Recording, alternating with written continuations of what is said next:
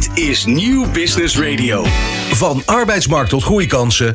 Van bedrijfscultuur tot innovatie. De Ondernemer. Live met Jonathan van Noord. Dit is de Ondernemer Live met een extra radiouur live op deze dinsdag geheel in het teken van finance. In het kader van de Rabobank kennismakerscampagne praat ik met experts Ronald Edel en Klaas Rijpsma over onder meer het pensioenakkoord, de AOV, maar ook over inkomensverzekeringen, bijvoorbeeld als je bedrijf geraakt wordt door cybercrime. En we spreken met Credit CEO Elwin Groeneveld over het nieuws van de dag rondom microfinanciering. Mijn naam is Jonathan van Noort en dit is de Ondernemer Live Finance. Dit is De Ondernemer Live op Nieuw Business Radio. Maar eerst gaan we naar de redactie van De Ondernemer in Hoofddorp. Daar zit Tijmen de Groen klaar. Tijmen, goedemiddag.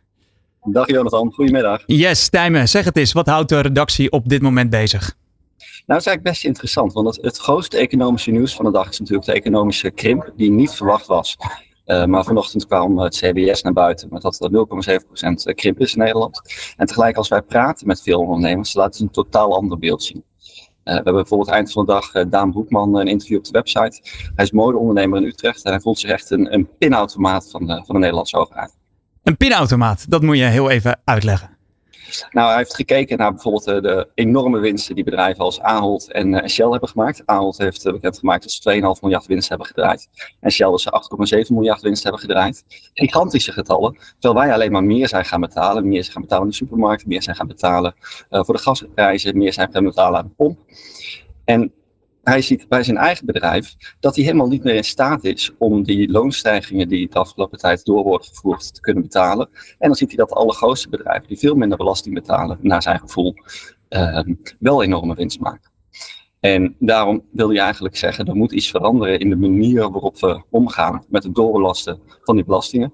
Er komen alleen maar meer loonstijgingen aan ondanks de economisch tegenvallende cijfers, hebben de vakbonden vanochtend al aangegeven dat ze nog steeds willen dat de lonen verder omhoog gaan. Daarom kwam zelf met het voorbeeld aanzetten dat die sommige personeelsleden in de afgelopen tien jaar maar liefst 70% meer is gaan betalen aan salarissen. Ja, dat kun je natuurlijk niet doorgaan belasten in je, in je prijzen. Hij verkoopt namelijk uh, uh, kleding, uh, zeg een spijkerbroek. Ja, als je die 70% verhoogt in tien jaar tijd, dan gaat niemand ermee kopen. Nou, wat hij hier nou mee wil gaan doen en wat de reactie ook is van de brancheorganisatie, hoe zij dit gaan oppakken, dat lees je eind van de dag op onze website. Duidelijk, duidelijk. En hoe zorg je ervoor dat dit geen rancuneus artikel wordt, als ik het zo hoor? Nou, door ook te kijken naar hoe gaat het nou met zijn bedrijf en hoe, uh, waar haalt hij zijn energie en zijn enthousiasme vandaan en hoe speelt hij de hele tijd slim in op de, op de nieuwe uh, wensen van personeelsleden. Het gaat natuurlijk niet alleen om salarissen, maar het gaat ook heel erg om uh, andere, andere werktijden of andere manier van met ze omgaan. En dan zie je ook gewoon een ondernemer die ontzettend veel plezier en energie haalt uit zijn Kijk, en dat lezen we toch het, uh, het allerliefst. Tijmen, dankjewel. En kijk voor het laatste ondernemersnieuws op deondernemer.nl. Dit is De Ondernemer live op Nieuw Business Radio. Yes, als ondernemer hou je het liefst bezig met groei, met verkoop, met nieuwe kansen zien en vooral pakken. Pensioenen en verzekering, dat zijn toch de minst sexy onderwerpen om je druk over te maken. Om daar verandering in te brengen heeft de Rabobank onlangs een campagne Kennismakers gelanceerd. Daarin helpen ondernemers elkaar om zaken anders aan te pakken. Ze delen tips, ervaringen en praten over uitdagingen. Ook aan bod komen onderwerpen waarover je als ondernemer misschien pas nadenkt als het te laat is. Een pensioen en verzekeringen. Daarover praten we verder met twee experts en specialisten in dit vakgebied. Aangeschoven zijn Ronald Edel, manager verzekeren en pensioen bij de Rabobank. Goedemiddag. Leuk dat je er bent. En Klaas Rijpsma, risicospecialist verzekeren. En hij weet alles over cybercriminaliteit. Goedemiddag. Yes, Dankjewel. Goed, goed dat jullie hier zijn. Uh, Ronald, we gaan, uh, we gaan met jou uh, beginnen. Welkom. als ik op de website lees van de Rijksoverheid en ik kijk naar het nieuwe pensioenakkoord, dan lees ik een transparanter en persoonlijk pensioenstelsel. Ja, wat gaat er veranderen en wanneer? Ja, wanneer, dat is een hele interessante. Uh, zoals je wellicht ook weet, uh, is de besluitvorming nog niet definitief. Er ligt een wetsvoorstel, dat is door de Tweede Kamer aangenomen december vorig jaar. En die Eerste Kamer die moet toch een besluit nemen, of zal er niet goedkeuren. de planning is nu dat de Eerste Kamer nog deze maand daarover vergadert en een besluit neemt. Maar er is ook wat, zijn wat krachten aan het werk om die besluitvorming toch nog over de maand heen te tillen. Uh, dat heeft ook te maken met het feit dat de nieuwe Eerste Kamer, conform de verkiezingen van de Provinciale Staten enkele maanden geleden, na de zomer geïnstalleerd wordt. Maar vooralsnog is het pad dat 30 mei dat duidelijk is of de Eerste Kamer ook de nieuwe pensioenwet aangenomen heeft. Als de Eerste Kamer akkoord gaat, ja. dan is de ingangsdatum 1 juli. Dus dat is al uh, een dikke maand later dan. Dat is hartstikke snel al. Uh, ja, ik, ik ben eigenlijk wel ontzettend benieuwd. Wat gaat er nou precies veranderen? Want er is een hoop over, uh, over gezegd. Hoop in het nieuws geweest, het pensioenakkoord. Wat gaat er precies veranderen voor ondernemers? Nou, wat er precies gaat veranderen, dat is een ontzettend dikke wettekst van honderden pagina's. Daar zal ik jou en je luisteraars niet mee vermoeien. De essentie is uh, dat er eigenlijk geen toezegging meer worden gedaan over uh, pensioenuitkeringen. Dat is, was in het verleden in, bij een aantal regelingen wel het geval. Je kreeg dus een toezegging van als je met pensioen gaat, is je pensioen zus en zoveel. Uh, dat gaat eruit in het nieuwe stelsel. je krijgt toezeggingen over de premie die ingelegd wordt. Die premie die wordt belegd, die moet renderen. en aan het eind van je pensioenopbouw, dus de datum dat je met pensioen gaat, dan heb je een bepaalde pot geld. En met die pot geld moet je vervolgens een pensioen uh, aankopen. Hoeveel pensioen je er op dat moment voor kunt aankopen, daar worden geen beloftes over gedaan. En als je dat nou iets, iets concreter uh, kan maken, hè, met, met bijvoorbeeld een, uh, een voorbeeld. Hoe, hoe, zou je dat dan, het, het grote verschil kunnen, kunnen omschrijven? Nou, het grote verschil is dat je, dat je nu weet je niet hoeveel pensioen je straks krijgt. Dat weet je het nieuwe stelsel niet. Nu weet je alleen dat er per maand door jou en door je werkgever je legt gezamenlijk in, elke maand zoveel geld in je pensioenpot uh, verdwijnt. Wat er aan het eind van, van je pensioenopbouw in die pot zit, dat weet je niet van tevoren. Wat je ervoor kunt aankopen, weet je ook niet. Nu, in het huidige stelsel, worden er wel toezeggingen gedaan dat je een bepaalde pensioenuitkering tegemoet eh, kunt zien. Dus dat wordt een stukje onzeker. Maar dat is de nuance, dat is complex met pensioenen. Die zekerheid die je nu denkt te hebben, die is er eigenlijk ook niet. De kranten staan ook vol met, met, met teleurstellingen over dat er uh, niet geïndexeerd uh, is. Vaak al jaren uh, niet. Dat er in hele erg gevallen ook gekort wordt op pensioenuitkeringen. Dus ook nu is er geen absolute zekerheid. In die zin kan je ook zeggen, ja, het verandert niet enorm veel. Je had geen zekerheid en je blijft ook geen zekerheid houden. Er wordt alleen transparanter over gecommuniceerd. Alleen dat is misschien denk ik wel het beeld wat mensen nu nog hebben. Hè? Dat ze eigenlijk wel een idee hebben van, goh, ik krijg 70% van mijn laatst uh, verdiende, uh, verdiende loon, dat, uh, dat is een zekerheidje. Maar jij zegt dus eigenlijk dat was al geen zekerheid en dat wordt het ook niet. Nee, precies. Het was geen zekerheid. de pensioenregelingen zijn de afgelopen jaren in veel opzichten versoberd. de zogenaamde, wordt toch een beetje technisch, eindloonregelingen. Pensioenuitkeringen die gebaseerd zijn op je laatst verdiende loon, die bestaan al bijna niet meer. middelloonregelingen zijn het geworden. En in toenemende mate zie je ook dat dat beschikbare premieregelingen zijn geworden. En eigenlijk zijn die beschikbare premieregelingen, die we al jaren kennen, die lijken ook heel erg op wat het nieuwe pensioenstelsel uh, beoogt. Je maakt afspraken over de pensioenopbouw, over de premie die ingelegd wordt. De daadwerkelijke uitkering, die kan je uh, vaststellen op het moment dat je met pensioen gaat en met die pot geld die je hebt opgebouwd, uh, pensioen gaat aankopen. En wat, wat is dan het, het, het, het grootste verschil als je dus die pot geld je bent straks 67, dan heb je die pot geld tot je beschikking. Wat, is dan het grootste verschil wat je kan, kan doen met dat geld? Dat is niet heel anders uh, geworden. Uh, voor, de, voor die pot geld kan je een pensioenuitkering aankopen. dat is in principe een, gewoon een uitkering die doorgaat totdat je overlijdt. Een, een levenslange uitkering. Um, en je kan keuzes maken of je daar bijvoorbeeld een, een, een uitkering van, van wil hebben. dat je met die pot geld in één keer een uitkering aankoopt die blijft uitkeren. Je kan ook zeggen, nou ik ga niet met die hele pot geld gelijk een uitkering aankopen. Ik ga met een deel van die pot ga ik doorbeleggen. In de hoop dat dat geld goed rendeert. En dat die pot stiekem aan, terwijl ik al met pensioen ben, toch een beetje hoger wordt. Zodat ik er ook een hogere uitkering voor uh, kan, uh, kan aankopen. Dat kan nu ook al in bepaalde regelingen. Alleen, uh, ja, dat, dat, dan is het eigenlijk dat je daar ook, ook veel sneller gebruik van, van kan maken, wil je eigenlijk zeggen. Ja, het wordt, het wordt flexibeler. Ehm, en, en wat ook verandert is dat je nu, als je in het nieuwe stelsel, als dat doorgaat, als je daar met pensioen gaat, dan zie je ook beter uh, wat jouw persoonlijke opbouw is geweest. Wat jouw aandeel is in die grote pot, van, in die grote pot geld van bijvoorbeeld je pensioenfonds. Of uh, wat jouw aandeel is in, in, in pensioenvermogen van de verzekeraar waar je pensioen uh, opbouwt. En wat, wat is nou de gedachte geweest achter al deze veranderingen? waarom moest dit nou eigenlijk? Nou, daar zijn enorme discussies over gevoerd en die worden nog steeds gevoerd. Een aantal partijen die zeggen, joh, dit hoeft niet. we hadden een tijdelijk probleem met, met de rekenrente en met lage rentestanden. De rente is wat hoger, zoals we met z'n allen weten. dus waarom zijn we nu nog hiermee bezig? Dat probleem gaan we oplossen. Nou, feit is natuurlijk wel dat het oude pensioenstelsel was gebaseerd op een oude wereld. een oude wereld waarin uh, arbeidsverbanden ook heel anders in elkaar staken dan tegenwoordig. Uh, er zijn weinig mensen, ik ken ze in ieder geval niet of nauwelijks, die 40 jaar bij dezelfde werkgever uh, pensioen op, opbouwen. Mijn ouders. Ja. ja. Dan heb je het ook gelijk over een generatie.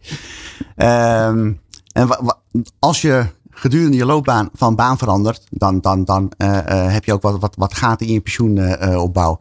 Dan heb je nog uh, veranderingen van, van loondienst naar loondienst. Maar je kan natuurlijk ook, dat zal in jullie sector ook veel voorkomen, mensen die deels in loondienst werken, maar ook een deel van hun uh, inkomen uit uh, ondernemerschap, uit, uit ZZP-schap verwerven. Nou, ook, ook dat soort flexibiliteit zat niet in de vroegere pensioenregelingen. De vroegere pensioenregelingen die waren vooral geënt op, op, op de aanname dat iemand zijn leven lang bij dezelfde werkgever en bij hetzelfde pensioenfonds pensioenfondsen opbouwen. Er zat ook een premiemethodiek in waar uh, jongeren eigenlijk uh, iets te, te, veel premie betaalden. Maar daar later, als ze ouder waren, zou het weer gecompenseerd worden. Nou, je zag steeds vaker dat die jongeren in het begin wel te veel premie betaalden. Maar op het moment dat ze zelf konden profiteren, alweer ergens anders werkten. Dus dat voordeel dat was er ook niet. Nou, en daarnaast had je natuurlijk die forse afhankelijkheid van de rentestanden. als je een uitkering toezegt, en de rente die verandert, nou, dan, dan, kan het zijn dat je steeds meer reservering moet aanhouden om die uitkering waar te maken. Uh, en die reservering moet je uit die pot, dat is maar één pot geld. Die reservering moet je dus uit die pot geld halen.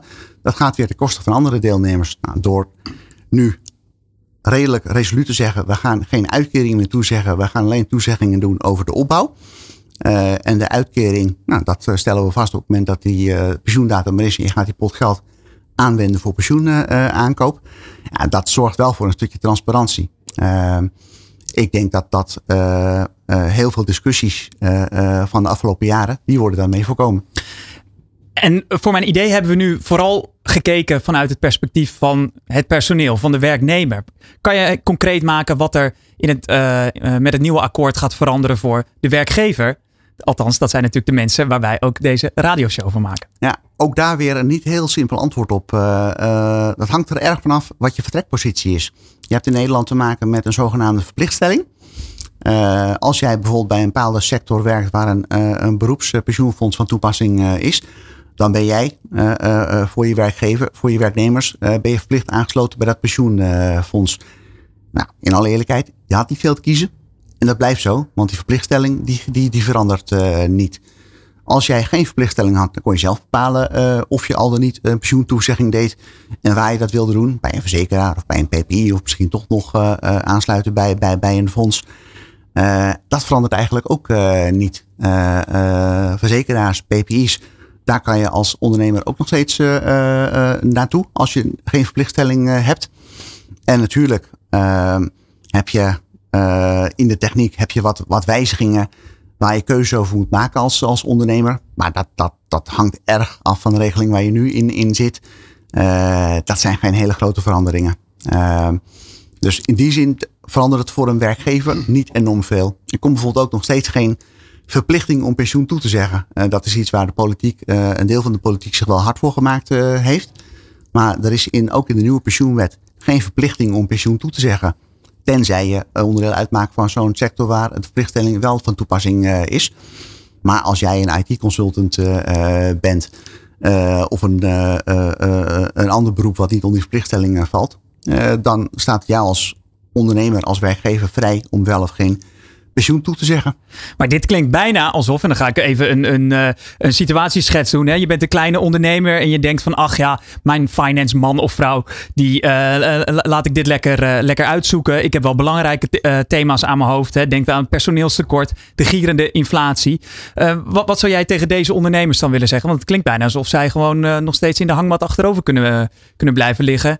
En dat aan iemand anders overlaten. Dat denk ik niet. Je noemt net zelf ook al het arbeidstekort. Pensioen is natuurlijk een hele belangrijke arbeidsvoorwaarde. Uh, veel belangrijker dan de meeste mensen denken. Uh, ik, ik heb zelf ook te maken met, met, met sollicitanten en, en, uh, Het valt mij op dat heel weinig mensen doorvragen over de pensioenregeling die geboden wordt. het salaris, werk-privé-balans. Dat zijn zaken die, die, die meetellen in, in sollicitatiegesprekken. en zelfs bij ons in de financiële sector wordt er weinig doorgevraagd op hoe ziet die pensioenregeling eruit. Maar vergis je niet, ongeveer 20% van je salaris, dat gaat naar je pensioen toe. een goede pensioenregeling is echt een hele belangrijke arbeidsvoorwaarde. Dat kan echt een gamechanger zijn binnen je selectieproces. Um, in de praktijk praat jij, neem ik aan, veel met, veel met ondernemers. Welke vragen hebben zij vooral? Nou, zij hebben nu vooral de vragen: wat gaat er precies veranderen en wat betekent het voor mij? Hele legitieme vraag. Die vraag zou ik ook stellen als ik ondernemer was. Ja, en het antwoord dat verschilt per, per situatie waarin de ondernemer nu zit. en nogmaals, ook die wetgeving, die is nog niet definitief. Je moet eerst weten hoe de wetgeving eruit ziet. Dan in bepaalde gevallen moet je ook kijken hoe de sociale partners daar vervolgens afspraken over maken. Want de wetgeving, dat is iets dat bepaalt de overheid, dat bepaalt, bepaalt de politiek. Maar de invulling van die pensioenregeling, dat is iets. Uh, dat is niet iets voor, voor, voor de politiek of voor de minister. Dat is iets voor de sociale partners uh, binnen de sector of, of tussen de directie van een bedrijf en de OR. ook die afspraken die zijn van belang om te kijken wat dan daadwerkelijk het nieuwe pensioenstelsel voor jou betekent.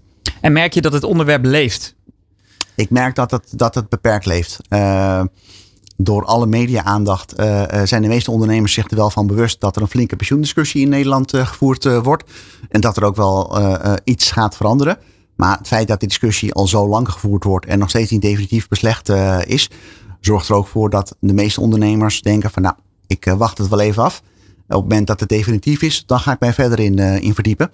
Uh, en wat natuurlijk ook zo is, als je op dit moment de pensioenregeling hebt bij een verzekeraar, bij een PPI, bij een pensioenfonds, is dat ook de partij uh, die jou vanzelf gaat informeren op het moment dat de wijzigingen voor jou bekend zijn. En mocht je gebruik maken van een pensioenadviseur, dan is dat natuurlijk ook de aangewezen persoon om jou tijdig te informeren over wat er voor jou gaat wijzigen en welke keuzes je kunt maken binnen jouw regeling. Dus dat is altijd wel een tip ga even met een adviseur uh, praten. Ook al is het uh, vrijblijvend om je even up-to-date te houden. Ja, absoluut. Pensioen is een complex onderwerp. Je merkt ook al hoe ik af en toe antwoord geef op jouw vragen. Het is best moeilijk om complexe materie in Jip Janneke taal weer te geven.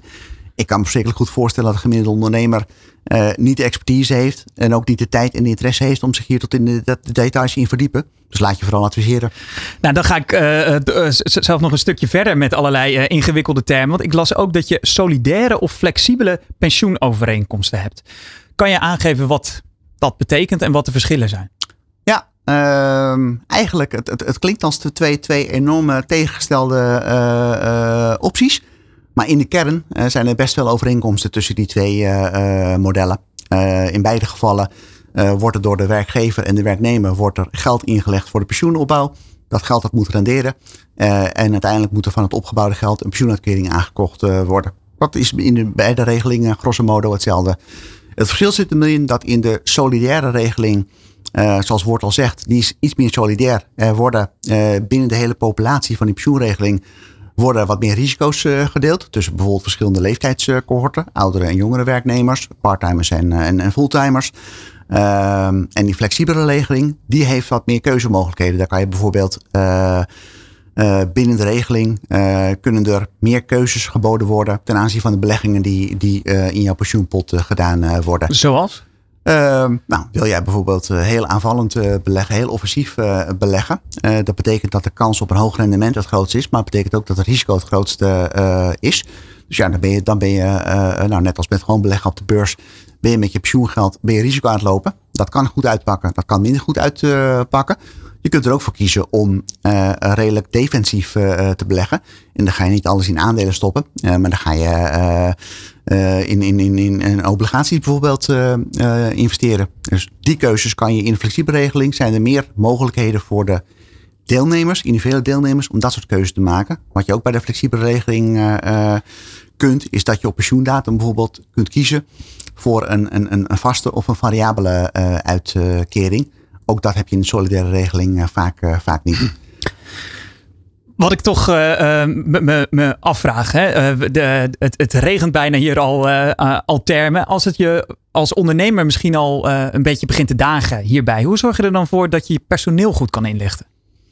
Ja, een hele terechte vraag. En dat is ook iets waar de politiek en de toezichthouder zich wel druk over maken. in de nieuwe pensioenwet en ook in, in, in, in hoe de, de AFM, de toezichthouder, zich tegen dit dossier aan bemoeit, merk je dat er heel veel nadruk gelegd gaat worden op, op communicatie. enerzijds krijgen de pensioenuitvoerders, dus de, de pensioenfondsen, de verzekeraars, de PPI's, uh, die krijgen uh, uh, meer toezicht op hoe zij de communicatie insteken. maar daarnaast denk ik ook dat, dat je als werkgever altijd zelf ook een verantwoordelijkheid hebt om te zorgen dat die complexe materie op een begrijpelijke en toegankelijke manier naar je medewerkers wordt, wordt uitgelegd. Duidelijk. Een, een ander punt uit het pensioenakkoord is de mogelijke, ik zeg het er uh, nadrukkelijk bij, de mogelijke verplichte AOV, oftewel de arbeidsongeschiktheidsverzekering. Het is een groot thema, vooral voor ZZP'ers. Uh, die verplichte AOV is nog niet definitief uh, ingevoerd. Wat is de status nu van, van dit plan? Ja, dat is inderdaad een, een mooi cadeautje nog uit het pensioenakkoord. een soort politieke handjeklap, verplichte pensioen kwam er niet. Dus werden een aantal politieke partijen en vakbonden uh, toch blij van dan maar een verplichte uh, AOV. Uh, de status is dat ook daar nog geen zekerheid over is. de minister heeft onlangs in een Kamerbrief aangekondigd dat ze een, wetsvoorstel op dit moment laat, laat uitwerken. dat wetsvoorstel dat zal eind dit jaar, begin volgend jaar het daglicht zien. Nou, dan komt er natuurlijk ook nog daar een politieke discussie over. Uh, de verwachting is, maar dat is wel de happy flow, uh, dat begin 2025 uh, eh, dan het wetsvoorstel aangenomen zou kunnen worden. als het onderweg niet sneuvelt. en dat de daadwerkelijke invoering van die verplichte AOV nog een paar jaar doorschuift. Want het is natuurlijk ook een enorme klus om dat helemaal te implementeren.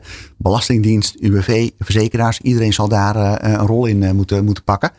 Um, in de markt wordt rekening gehouden met, met, met een, een vroegste implementatiedatum, dus echt de effectuering van de wet, uh, per 2027 of misschien wel 2029.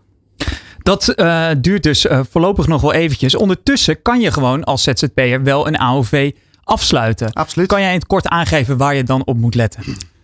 Ik denk dat je vooral uh, moet opletten dat die AOV passend is. Passend is een beetje beroepsjargon, maar daar bedoel ik mee uh, dat de AOV, uh, dat dekking past bij jouw werkzaamheden, bij je financiële positie, bij de risico's die je zelf kunt of wilt lopen. En natuurlijk ook dat de premie betaalbaar is. Ehm, uiteindelijk uh, moet, je, moet je het maandelijks kunnen betalen, die AOV. Uh, en moet je een dekking hebben die er daadwerkelijk voor zorgt uh, dat jij bijvoorbeeld je kwaliteit van leven, je levensstandaard kunt continueren als je door ziekte of arbeidsongeschiktheid tijdelijk niet kunt werken.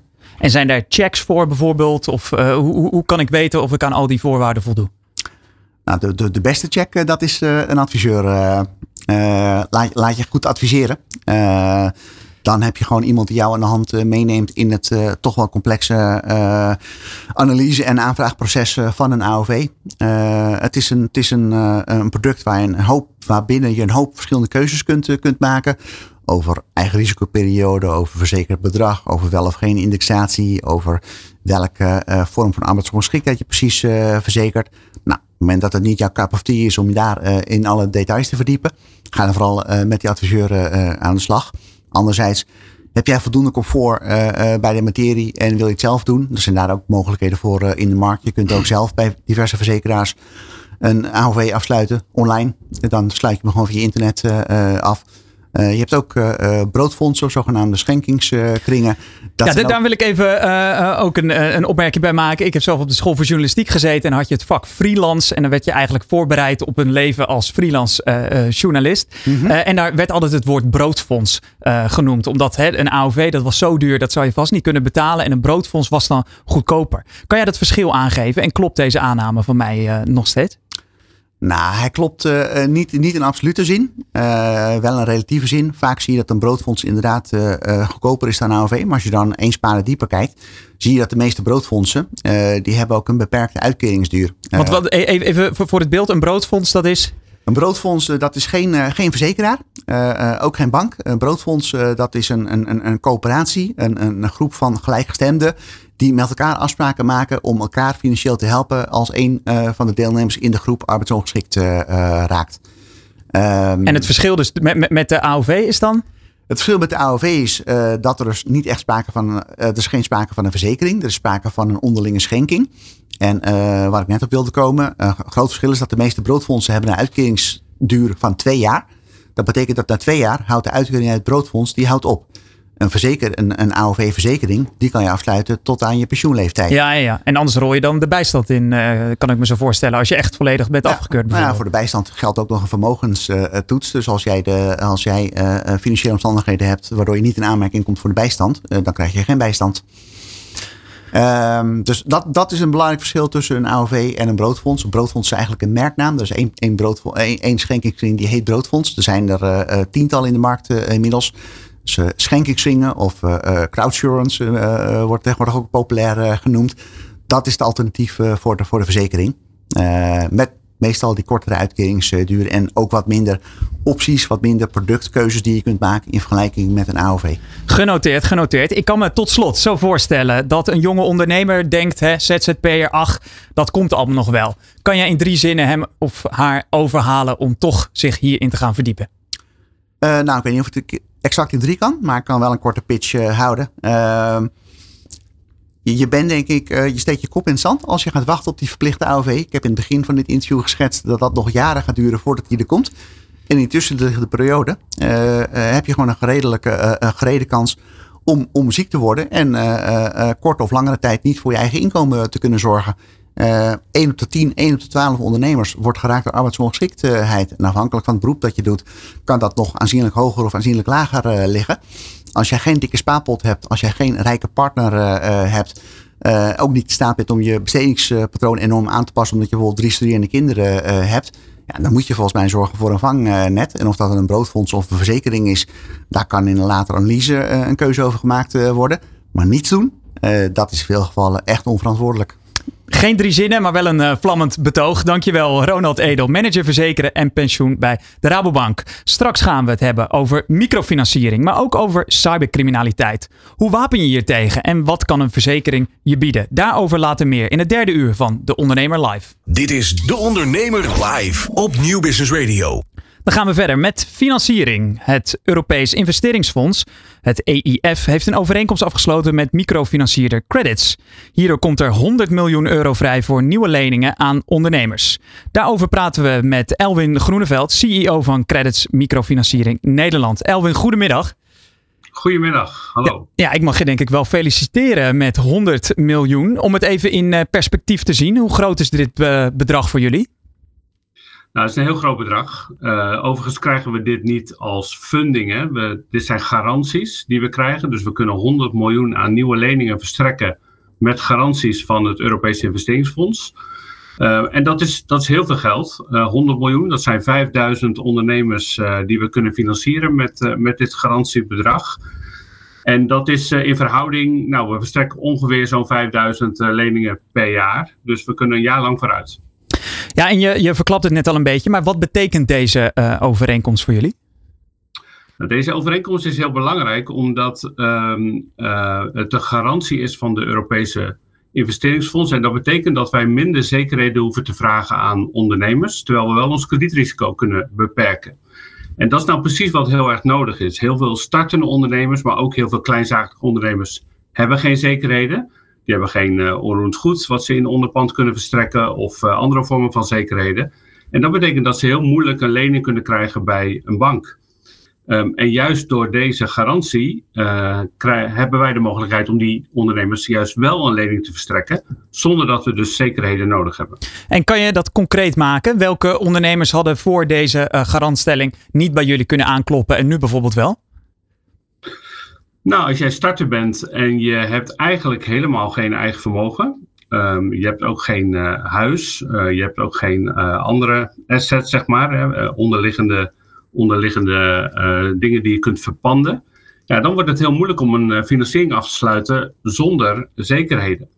En, en, zonder deze garantie. Want ja, dat betekent dat het volledige kredietrisico bij de kredietverstrekker ligt. En daar houden kredietverstrekkers niet zo van. Uh, je wil toch een deel van het risico kunnen uh, uh, verhalen hè, op het moment dat het misgaat. Nou, bij een bank heb je al heel snel dan nee.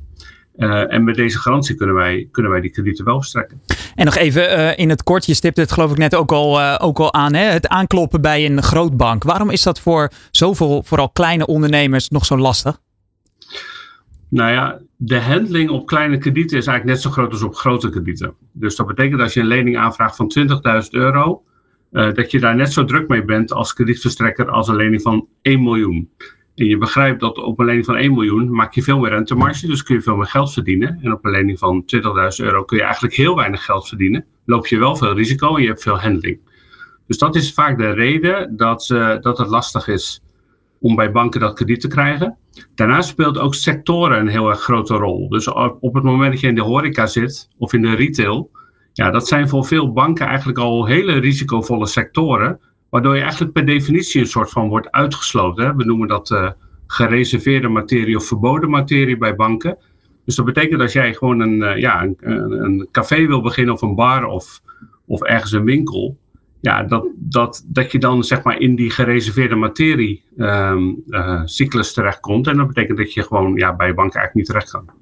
Uit jullie persbericht viel me op dat de focus vooral ligt bij deze garantstelling op financiering voor jongeren, vrouwelijke ondernemers en migranten. Waarom is dat? Nou, we hebben eigenlijk relatief weinig vrouwelijke ondernemers als klant. Als je kijkt naar de portefeuille van credits, we hebben ongeveer 35.000 ondernemers gefinancierd de afgelopen 14 jaar. Dan zie je dat twee derde uh, man is en maar een derde vrouw. Dat is eigenlijk best wel opvallend. Uh, want dat had 50-50 moeten zijn. Uh. Dat zou, ja, dat had 50-50 moeten zijn, absoluut. Ja. En je ziet in derde wereldlanden, waar microfinanciering eigenlijk ooit is begonnen, dat dat vooral uh, gericht is op vrouwen. 90% van de klanten in dat soort landen zijn vrouwen. Um, en in, in West-Europa is dat eigenlijk niet zo. Um, en wij roepen dus eigenlijk vrouwelijke ondernemers op om ja, te investeren. Hè? Ook ambities uh, te hebben en, en te willen groeien. Ik denk dat daar nog wel wat uh, winst te behalen is. En dat zien we bijvoorbeeld terug in, uh, ja, in, de, in, in, zeg maar, in deze verdeling. Dat toch mannelijke ondernemers sneller geneigd zijn om leningen af te sluiten dan vrouwen. Maar dan ben ik toch wel benieuwd hoe jullie deze vrouwen willen gaan, gaan bereiken. Dat kan niet alleen bij een oproep blijven. Nee, we gaan ook. We hebben hele mooie voorbeelden, hè? laat dat ook duidelijk zijn. Het is, ook, het is, we hebben een derde van 35.000 euro, van 35.000 klanten zijn vrouwen. Er zitten hele uh, ambitieuze vrouwen bij die hele mooie bedrijven hebben opgezet vanuit het niks. En die willen we ook de komende tijd wat meer op het voetlicht stellen als een soort voorbeeld. Hoe je nou en ambitie en groei kunt uh, combineren. Dus dan kan je bijna zeggen, zien lenen doet lenen. Ja, eigenlijk wel. Iedereen heeft rolmodellen nodig. Iedereen heeft ook voorbeelden nodig waaraan, waaraan je je kunt spiegelen.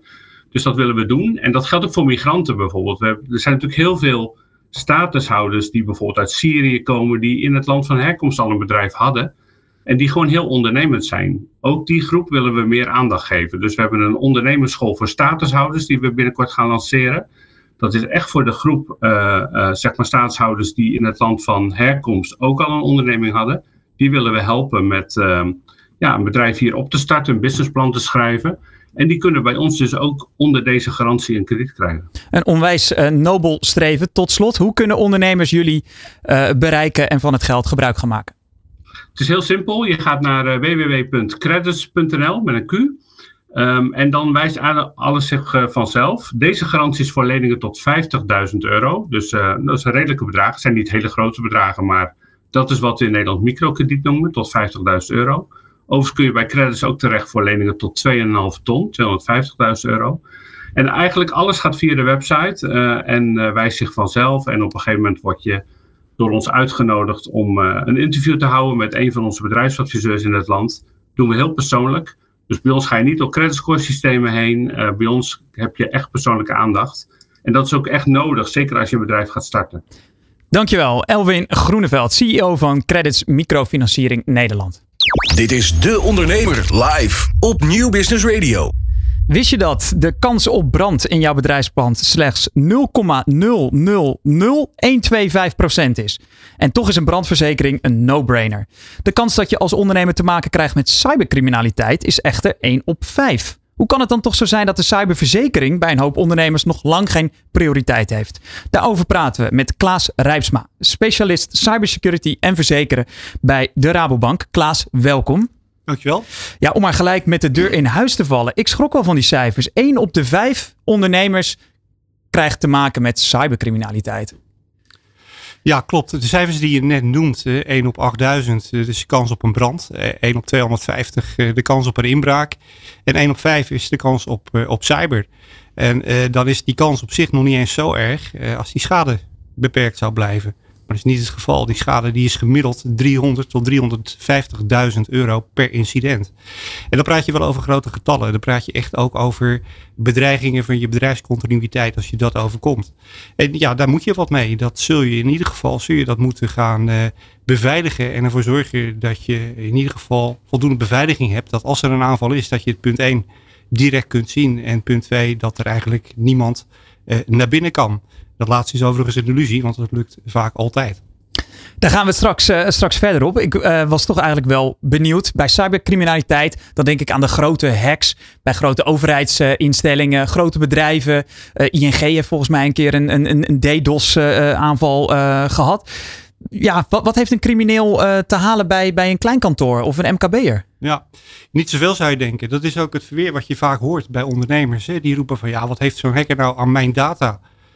in principe heeft hij daar uh, in zoverre iets aan. Uh, je moet je afvragen als ondernemer, wat heb ik aan mijn data als ik daar niet meer bij kan? Waar loop ik dan tegenaan? Kan ik dan nog wel mijn bedrijfsvoering voortzetten?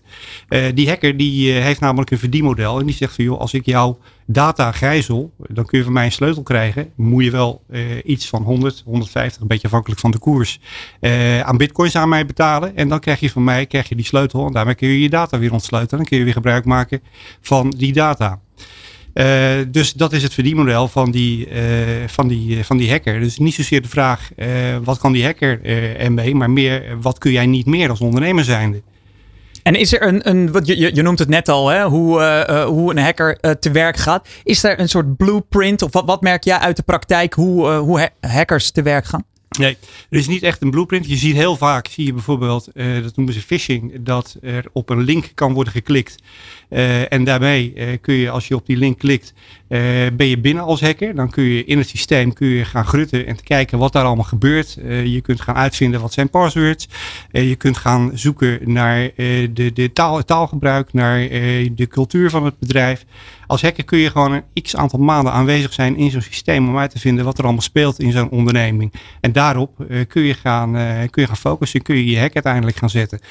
Ik heb laatst heb ik eens een keer een dagboek gelezen van een, van een hacker. Uh, dat is wel aardig om even te noemen. Die had op een gegeven moment op LinkedIn had hij gelezen dat een ondernemer Office 365 had geïnstalleerd. Nou, prachtig. Dus die hacker die denkt van ik ga naar dat bedrijf toe. Ga er met een bos bloemen naartoe om die CEO te feliciteren met zijn installatie en implementatie van Office 365. Dus hij kopt daar bij de receptie aan. De receptie stuurt hem niets vermoedend door. Hij gaat uiteraard niet naar de CEO toe. En die bloemen staan waarschijnlijk nu bij hem uh, in, zijn eigen keuken. Maar hij gaat vervolgens gaat hij met allerlei USB-sticks gaat hij, uh, langs het toiletten. Hij legt het in de vensterbank. Hij legt het overal neer. En er is er altijd wel een medewerker die zo'n USB-stick ziet en die denkt van, hé, hey, eens even kijken wat erop staat. Dus die doet het keurig netjes in zijn USB-poort. En niet alle USB-poorten zijn beveiligd, hè, want anders zou je je toetsenbord bijvoorbeeld niet eens aan kunnen sluiten. Maar die eh, doet die USB-stick erin en dan zit er een, een wat ze noemen auto-executable eh, bestandje zit daarop. En eh, die installeert zich automatisch op jouw systeem. Die hacker die is binnen. En die gaat vervolgens gaat die, uh, kijken naar uh, wat zijn de passwords, waar zitten de admin accounts, uh, hoe kan ik daar binnenkomen.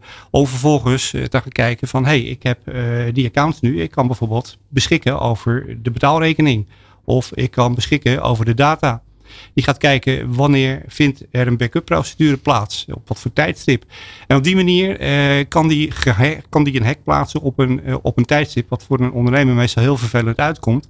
Maar voor die hacker niet, want die kan een hogere losprijs gaan vragen. En wat betekent dat in dit specifieke geval voor deze ondernemer die net zijn, uh, zijn Microsoft pakket had uh, dat betekent in dit geval dat die hacker, die heeft vervolgens heeft hij het systeem gehackt. Hij heeft de data gegijzeld. Hij heeft ook een aantal passwords kunnen achterhalen waarmee hij tot allerlei admin accounts uh, toegang heeft. En uh, die heeft het systeem op slot gegooid. die heeft vervolgens een, een mailtje gestuurd. S morgens kwam men op de zaak, scherm zwart. En er kwam een mailtje binnen dat er door betaling van, en ze hebben tegenwoordig zelfs een helpdesk hoor, want zo professioneel zijn ze al. maar die kon een paar duizend bitcoins betalen om weer toegang te krijgen tot zijn data. Ja, en wat doe je dan als ondernemer als je geen bedrijfscontinuïteit meer hebt en je loopt een forse bedrijfsschade op? Uh, heel veel ondernemers die uh, gaan dan toch betalen. Melden ze niet altijd, want er zit ook een bepaalde schaamte zit er wel over uh, om dat te doen. Maar ja, het is wel belangrijk om toch uh, dat te melden. Want je krijgt veel meer hulp van buiten aangeboden. En niet iedereen neemt het jou kwalijk dat je een hack hebt gehad. Dat kun je namelijk zelf niet zo heel veel aan doen. Het is ook een nieuw uh, fenomeen, uh, cyberincidenten. Dat is nog niet zo heel oud. Als je het vergelijkt met brand ja, dan is dat natuurlijk een, een redelijk nieuw fenomeen. Even oud zijn we daar uh, mee bekend. En dit, dit, is toch een, een fenomeen wat, wat pas recenter is. Ja. Ik, ik sprak hier laatst over met Jan Meerman, directeur van branchevereniging in retail. En hij vertelde mij dat heel veel ondernemers zich er eigenlijk uh, best wel erg voor schamen. En jij neemt hetzelfde woord ja. net, uh, ja. net, net, net in de mond. hij zei ook dat dat een reden is dat heel weinig ondernemers in de media ermee willen komen. Ja. Wat zijn bijvoorbeeld de risico's als je vertelt dat je uh, hiermee te maken hebt gehad? Los van dat ja. je dus uh, uh, duizend bitcoins hebt moeten betalen. Nou, je hebt natuurlijk ook uh, het risico van imagoschade. Want er zijn uh, talloze uh, ondernemers, leveranciers, afnemers, die misschien helemaal geen zaken met jou willen doen als je gehackt bent.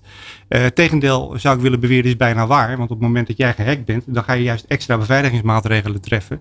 En ja, dan heb je veel minder kans dat je opnieuw wordt gehackt of een DDoS-aanval hebt.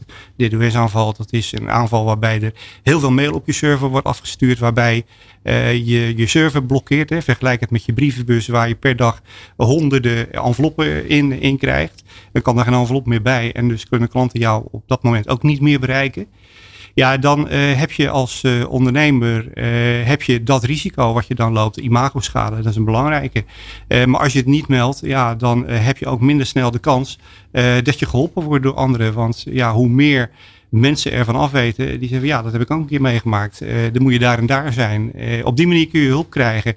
En uh, last but not least, het is ook iets lessons learned voor de ander. wat is jou overkomen? Het aardige is dat uh, Hoppenbrouwers, een uh, groot bedrijf, die heeft ook te maken gehad met een hack. En die heeft vervolgens allerlei noodprocedures in het leven geroepen. Had niet direct een, een, plan beschikbaar. En die heeft daar een boekje over geschreven, heel kort. Kun je op een verloren donderdagmiddag kun je dat, kun je dat lezen. En dat gaat over een, een hack en hoe zij daarmee omgegaan zijn.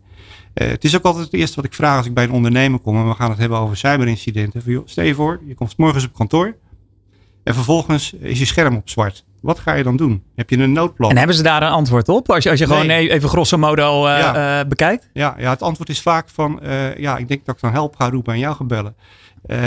Dat is niet de oplossing overigens. maar ja, ik kan wel helpen om te voorkomen dat dit soort zaken kunnen voorkomen. En ik kan wel helpen om te kijken van hoe kun je nou het beste je maatregelen treffen en waar. want zorg ervoor, dat roep ik ook altijd, als je een systeem hebt dat je je updates en je patches op tijd installeert. En dat je dat niet pas na een week doet. En want als je dat pas na een week doet, die softwareleverancier die stuurt een nieuwsbrief rond, uh, waarin die aangeeft van de software die wordt geüpdate, die en die beveiligingslekken die worden opgelost. Maar ja, die hacker die is daar ook op uh, geabonneerd. Die krijgt diezelfde nieuwsbrief, dus die weet exact waar de gaten zitten en, en wat hij moet aanvallen. Uh, dus ja, zaak is dat je dat zo snel mogelijk, dat, je dat, dat je dat installeert.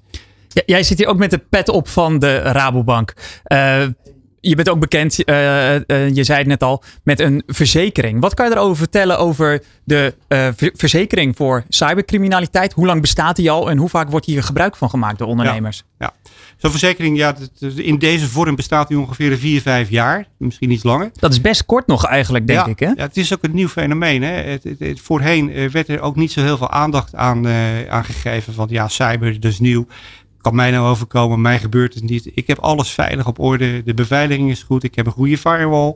Uh, kortom, uh, alles is bij mij uh, dik in orde of ik zit in de cloud, ook een argument dat ik vaak hoor. Ehm, ja, dat is mogelijk zelfs nog een groter gevaar. Ik wil niet zeggen dat cloud providers, want die installeren wel op tijd hun patches en, en, en updates. Want dan heb je het over dat je dus eigenlijk een backup hebt in de cloud. En dan denk je veilig te zijn als ondernemer. Totdat de cloud ook gehackt wordt. En dan ben je eigenlijk verder van huis. Dan kan je nergens meer bij. Nee, klopt inderdaad. En het is tegenwoordig zelfs een trend om cloud providers aan te vallen. Want uh, ja, als je cloud provider bent, dan heb je een scala aan klanten tot je beschikking. En op het dark web uh, kun je gewoon software kopen wat uh, gebruikt kan worden om een cloud provider aan te vallen. En dan nu terug naar de verzekering. Hoe kan die dan helpen? die verzekering die kan op verschillende manieren helpen. Die verzekering die heeft drie aspecten. Dat is een preventief aspect, dat is de schade zelf en dat is de nazorg. Op het moment dat uh, er nog niks aan de hand is, dan uh, geeft die verzekeraar die zegt van joh, ik kan jou een, een password tool uh, geven. Ik geef jou advies en ik kan controleren hoe bestendig dat jouw systeem tegen allerlei cyberaanvallen is. Uh, dat kun je testen tegen gereduceerd tarief. Uh, password manager, daarmee kun je je passwords wijzigen. Maar als je dan daadwerkelijk een hack hebt of je hebt een cyberincident, dan kun je ook beroep doen op een IRT-team, Incident Response Team. De jongens die staan 24-7 voor je klaar. En die kunnen je helpen om je data weer te ontsluiten, weer terug te krijgen. Zij hebben vaak de sleutel tot bepaalde software waarmee dat is gegijzeld en kunnen je daarbij dus helpen. En zo niet, eh, want er is ook nieuwe software waar ze nog geen sleutel van hebben. Dan kunnen ze wel kijken in de onderhandelingen met bijvoorbeeld een hacker. Van hoe kan ik die uh, ransom, hoe kan ik dat losgeld zoveel mogelijk beperken. En op die manier kunnen ze je helpen. En als je dan ook nog schade hebt aan je data zelf, ik noem het altijd maar je kroonjuwelen. Als je daar ook schade aan hebt, uh, dan kun je daar ook uh, hulp van krijgen van je, uh, van je verzekeraar. Want ja, mind you, het is ongeveer een 250 euro per dataveld wat je het kan kosten als je dat moet laten repareren. Je hebt... Dat moet je even uitleggen, per dataveld? Ja, een dataveld is een, een, een veld uh, waarbij je bijvoorbeeld je adresgegevens invoert. Uh, bijvoorbeeld je woont aan uh, de Kerkstraat nummer 3. En dan is de Kerkstraat is één veld, drie is een veld. Als die velden beschadigd zijn en je moet dat opnieuw installeren, je moet dat gaan herstellen, dat kost ongeveer 250 euro per dataveld. Als je er duizend hebt, tel uit je winst. Ja, dan heb je nog te maken met eventueel losgeld wat gevraagd wordt. Uh, dat is ook verzekerd onder zo'n uh, verzekering, vaak wel met een bepaalde sublimiet. Uh, ook boetes die jou opgelegd worden als je een datalek hebt gehad en er liggen persoonsgegevens op straat. En je krijgt een boete van de autoriteit persoonsgegevens opgelegd. En dat kan oplopen van 4% van je omzet tot maximaal 20 miljoen. Dus dat is best fors. Als dus de persoonlijke gegevens van jouw klanten bijvoorbeeld op straat komen te liggen, dan kan dat dus 4% van je, van je omzet. En er wordt tegenwoordig steeds meer mee gedreigd. Hè? En uh, uh, als je daardoor een boete krijgt van de autoriteit persoonsgegevens, dan is dat ook verzekerd in die, binnen die uh, cyberverzekering. Maar, maar Klaas, de ondernemers die nu aan het luisteren zijn, die willen vast weten, wat schuift dat? Wat, wat, wat kost het om een... Wat kost zo'n pakketje? ja, ja zo'n cyberverzekering Dat, je, dat je helemaal gebakken zit. Het is een beetje afhankelijk van uh, de grootte van het bedrijf. Uh, daar kijken ze naar omzet. maar voor een MKB-bedrijf moet je ongeveer denken aan een 1500 tot 2500 euro per jaar. En als je dat afzet tegen de brandverzekering die we net noemden bijvoorbeeld. Is die dan zoveel duurder? Uh, hij is wel wat duurder. Het uh, risico is denk ik ook veel groter. Hè? Zoals in het begin al aangaven, 1 op 5 tegenover 1 op 8000 bij brand. Uh, dus het risico is wat groter. En de verzekeraar die kijkt op basis van zijn statistieken naar de kans dat er iets kan gebeuren. En je ziet wel dat nu nog die verzekeringen, die cyberverzekeringen in mijn beleving, die hebben nog niet eens een hele hoge prijs.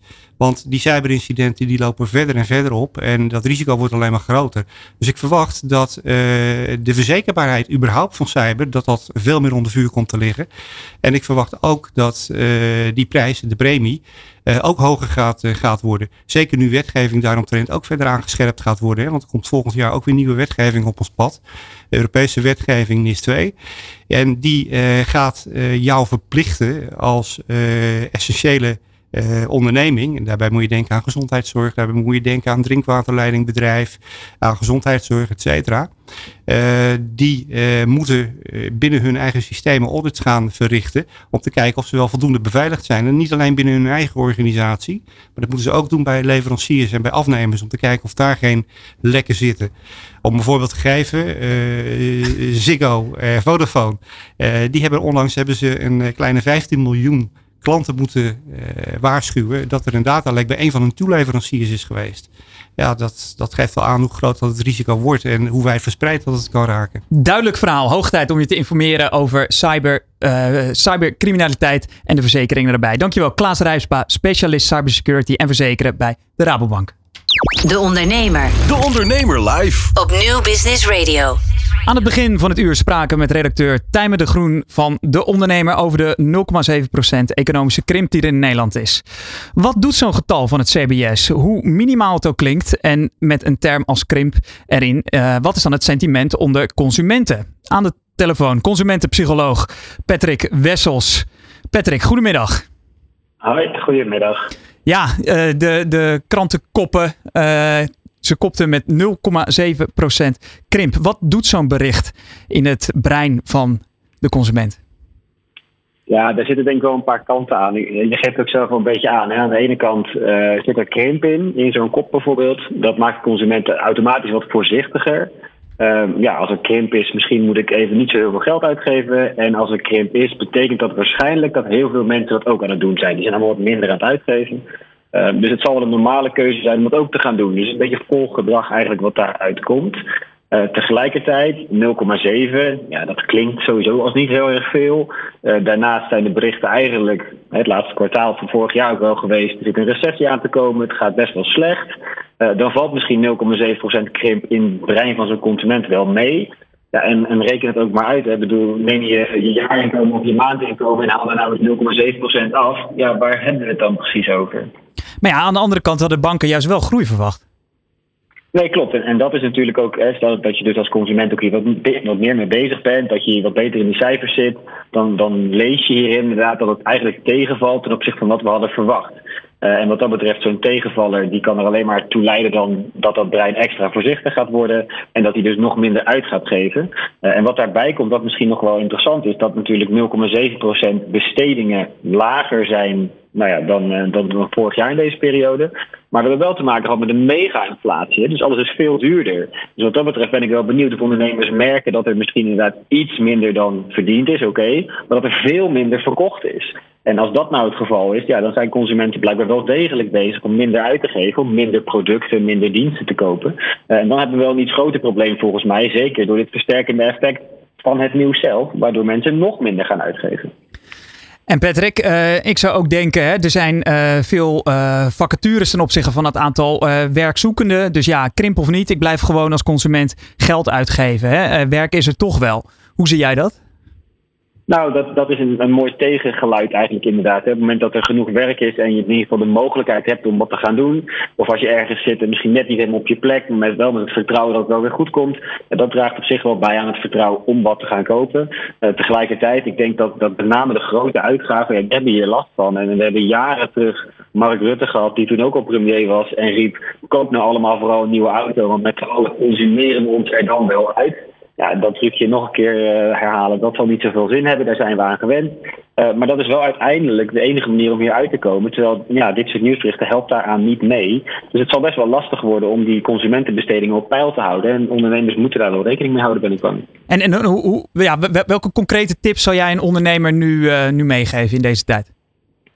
Nou, het is best wel lastig. Je kunt niet als ondernemer zomaar ofwel je productaanbod of je prijsaanbod even veranderen afhankelijk van zo'n consumentenvertrouwen. Dat is lastig. Uh, in algemene zin, misschien wat goed is om rekening mee te houden, is dat consumenten heel veel zekerheid zoeken. Dat is echt geen nieuws, dat is al wat langer zo. Uh, maar zekerheid zit hem in iets wat ik ken als consument, iets wat van dichtbij komt, iets wat vertrouwd voelt, iets wat misschien zelfs niet te duur is, een soort van kleine versie van iets, laagdrempelig beginnen. Nou ja, alles eigenlijk waar zo min mogelijk onzekerheid aan zit, dat doet het op dit moment gewoon ietsje beter bij zo'n consument die het misschien wel spannend vindt. Ik weet niet wat ik over drie maanden nog verdien. En heb je een uh, voorbeeld daarvan? Van, ja, iets beter op inspelen. Heb je een voorbeeld van zo'n product of dienst? Nou, stel dat je bijvoorbeeld bezig bent om, om allerlei uh, op het gebied van voeding, eten, drinken, dat soort producten, kies dan voor iets wat mensen al kennen in plaats van een exotische nieuwe smaak uit Zuid-Amerika die fantastisch nieuw en revolutionair is. Alles wat nieuw is, spectaculair en, en wat we niet kennen, dat maakt het sowieso heel veel moeilijker. Dus- Dus al die dingen die teruggrijpen naar een gevoel van nostalgie, naar vroeger, weet je, die retro-trend, dat gaat uiteindelijk wel beter werken op het moment dat de consument onzeker is. Eh, nou ja, en als we nu lezen dat het, eh, dat het krimpen is en als we ervan uitgaan dat die consument daar onzeker van wordt, dan zou dat iets beter moeten werken. Ja, we hebben het hier in deze uitzending onder andere gehad over eh, verzekeringen. Is dat dan nog een product wat met dit soort berichtgeving populairder wordt onder consumenten? Nou, beperkt denk ik. Uiteindelijk, het voordeel daarvan is inderdaad, een, een verzekering zit in een prevention focus, zoals dat dan heet. Oftewel, ik ga kijken naar ja, wat zou er mis kunnen gaan en hoe kan ik dat dan voorkomen. Eh, in plaats van de promotion focus, namelijk ik ga groeien en allerlei nieuwe dingen proberen en, en nou ja, avontuur opzoeken. Dus in die zin past een verzekering daar wel wat beter bij. Eh, aan de andere kant, eh, ja, ik weet niet zeker of iedereen nu vanuit dit soort negatief nieuws heel veel zin heeft om allerlei verzekeringen af te sluiten. Dat is misschien wel eventjes een, een iets te korte bocht. Nou ja, daar hebben we in ieder geval nog, eh, nog genoeg discussie met de heren hier aan tafel voor, eh, voor een andere show.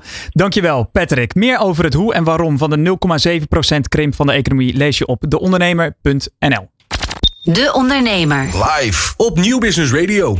Ja, daarmee komen we aan het einde van dit extra uur van de Ondernemer Live. Dat geheel in teken stond van Finance. Dank aan mijn studiogasten Ronald Edel en Klaas Rijsma van de Rabobank. Dit was de, Zo, dit was de Ondernemer Live voor nu. Volgende week zijn we er weer op de vertrouwde uren van 11 tot 1. Zie je dan.